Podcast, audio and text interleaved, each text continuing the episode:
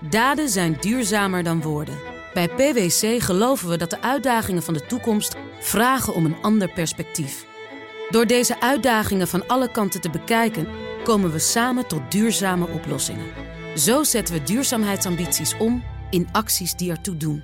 Ga naar pwc.nl. je digitaal heel goed onderlegd zijn. Want de vraag is zo enorm groot. En dat begrijp ik wel gezien de soepelheid. dat ik dan zeker altijd te laat zou zijn. Ja, oké. Maar van inderdaad, daarmee zou dus een opleiding eh, kunnen volgen. De waarde van 1000 euro met dat eh, budget. Maar ja, het is ook weer afgeschaft, hè? Ja, het is afgeschaft omdat er natuurlijk idioot cursussen werden gegeven. eh, onder het mom van eh, stimulering. Daar staat stap voor, even voor de luisteraar. Stimulering arbeidsmarktpositie. Dus het idee is, je geeft mensen een subsidie van 1000 euro voor een cursus waarmee ze hun eh, perspectief op de arbeidsmarkt kunnen verbeteren. Maar als je gaat kijken, ja, dan zie je daar ook opleidingen bij als kindertekeningen analyseren, edelsteentherapie, wandelcoach. Nou, dat kan heel, ook heel belangrijk zijn. Ja. Ja, dat kan belangrijk zijn, maar ja, doe dat hobbyisme, betaal dat zelf. En het is niet zo dat daar je perspectief op de arbeidsmarkt mee verbetert. Nee, maar um, het was, was het eigenlijk ook verplicht om die cursus dan ook echt te gaan doen?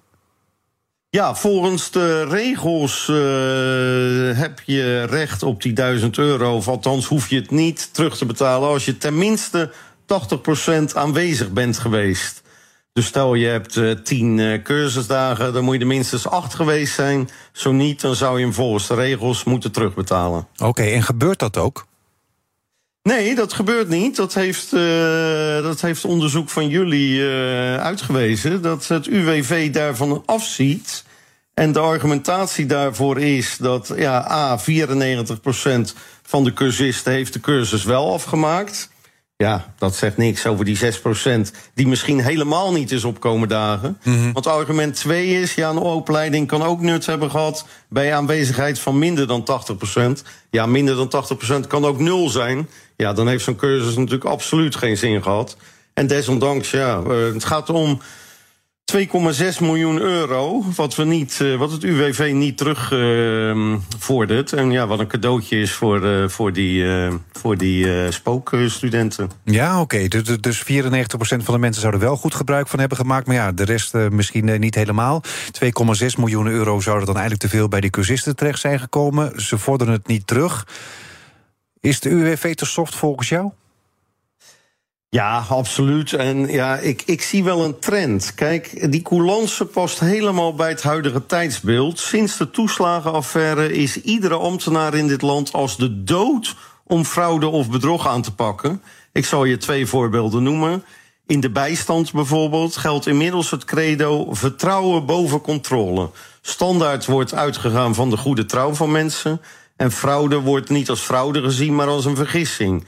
Dus ja, word je betrapt, dan zonder sanctie of boete krijg je de gelegenheid om te herstellen. Dus alsof je een inbreker nooit straf geeft als hij op hete daad wordt betrapt en de buit gewoon teruggeeft. Ja, op die manier wordt diefstal een loterij zonder nieten. Maar ja, het is, nou, hetzelfde zie je. Ja. ja, sorry. Nee, ga, ga je gang. Hetzelfde zie je? Nou, hetzelfde zie je bij asielaanvragen. Daar is inmiddels ook dezelfde coulance merkbaar. In een paar jaar tijd is het toewijzingspercentage van asielaanvragen in Nederland gestegen naar dit jaar 72 procent. Een van de hoogste percentages toewijzing in Europa. Hetgeen nogal een aanzuigende werking heeft, zoals je kan voorstellen. Nou, de reden is dat we ook hier recent zijn overgestapt op een soepel systeem met een omgekeerde bewijslast. Mm -hmm. Voorheen moest een asielzoeker aantonen dat hij gevlucht is vanwege gevaar. Nu is dat veranderd en moet de staat aantonen dat een asielzoeker niet vanwege gevaar is gevlucht, maar om economische redenen. Kan de staat dat niet, dan wordt de aanvraag toegekend. Ja, nou, en hetzelfde zien we nu bij, bij, bij deze stapsubsidie. Ja, het is soepelheid en softheid alom.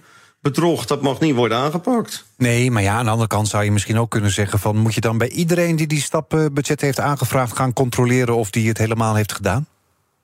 Dat kost ja, ook... Je hebt zelf als het UWV die regels bedacht. Je, je zegt zelf van tevoren, als je niet 80% volgt...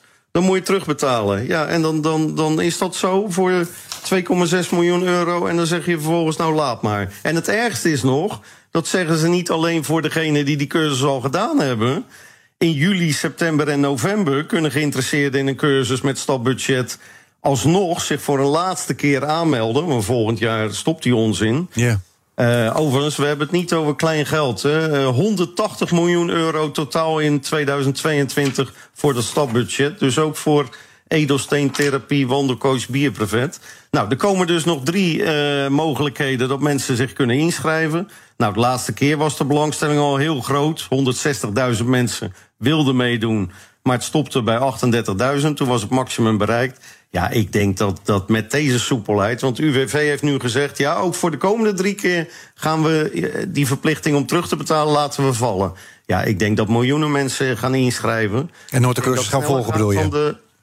Ja, dat, dat gaat stormlopen. De, de, de verkoop zal sneller gaan dan de verkoop van de concerten van Beyoncé afgelopen weekend, denk ik. maar je gaat, je, je gaat het niet proberen. Ja, kan je een paar keer, kan je twee keer naar een concert van Beyoncé. Dus ja. Ja, dat is ook weer zo. Een leuke, leuke besteding. Maar je gaat het nog steeds niet proberen. Nee, ik, ik werk niet mee aan fraude en bedrog. Uh, ik, ik ben daar uh, falikant tegenstander van. En dan, daarmee kom ik gelijk op mijn advies aan minister van Sociale Zaken, Karim van Gennep onder wie het UWV valt. Joh, stop met die softheid. Wees maar coulant als het je eigen geld betreft. Het gaat hier om publiek geld waarmee je prudent moet omgaan. Pas gewoon de regels toe die je zelf bedacht hebt. En voerde die duizend euro terug van mensen die je met de pet naar gooien. Op die manier is ook het voordeel, daar is het ook voor bedoeld. Dat je alleen gemotiveerde, goed gemotiveerde cursisten in huis voor dat budget haalt. En niet allerlei gelukzoekers voor wie dit een cadeautje is. Zonder dat er enig commitment voor wordt gevraagd. Ik erger me dood eraan. Dankjewel. Robert de Boek van de investeringsmaatschappij Antea. En wil je ook het eh, vorige advies eh, horen aan Tata Steel... omdat het bedrijf een dwangsom heeft gekregen van de omgevingsdienst... en nu onder verscherpt toezicht eh, staat? Zoek dan ongevraagd advies op in je podcast-app... en abonneer je ook meteen even en dan ga je geen advies missen. Daden zijn duurzamer dan woorden. Bij PwC geloven we dat de uitdagingen van de toekomst... vragen om een ander perspectief. Door deze uitdagingen van alle kanten te bekijken, komen we samen tot duurzame oplossingen. Zo zetten we duurzaamheidsambities om in acties die ertoe doen. Ga naar pwc.nl.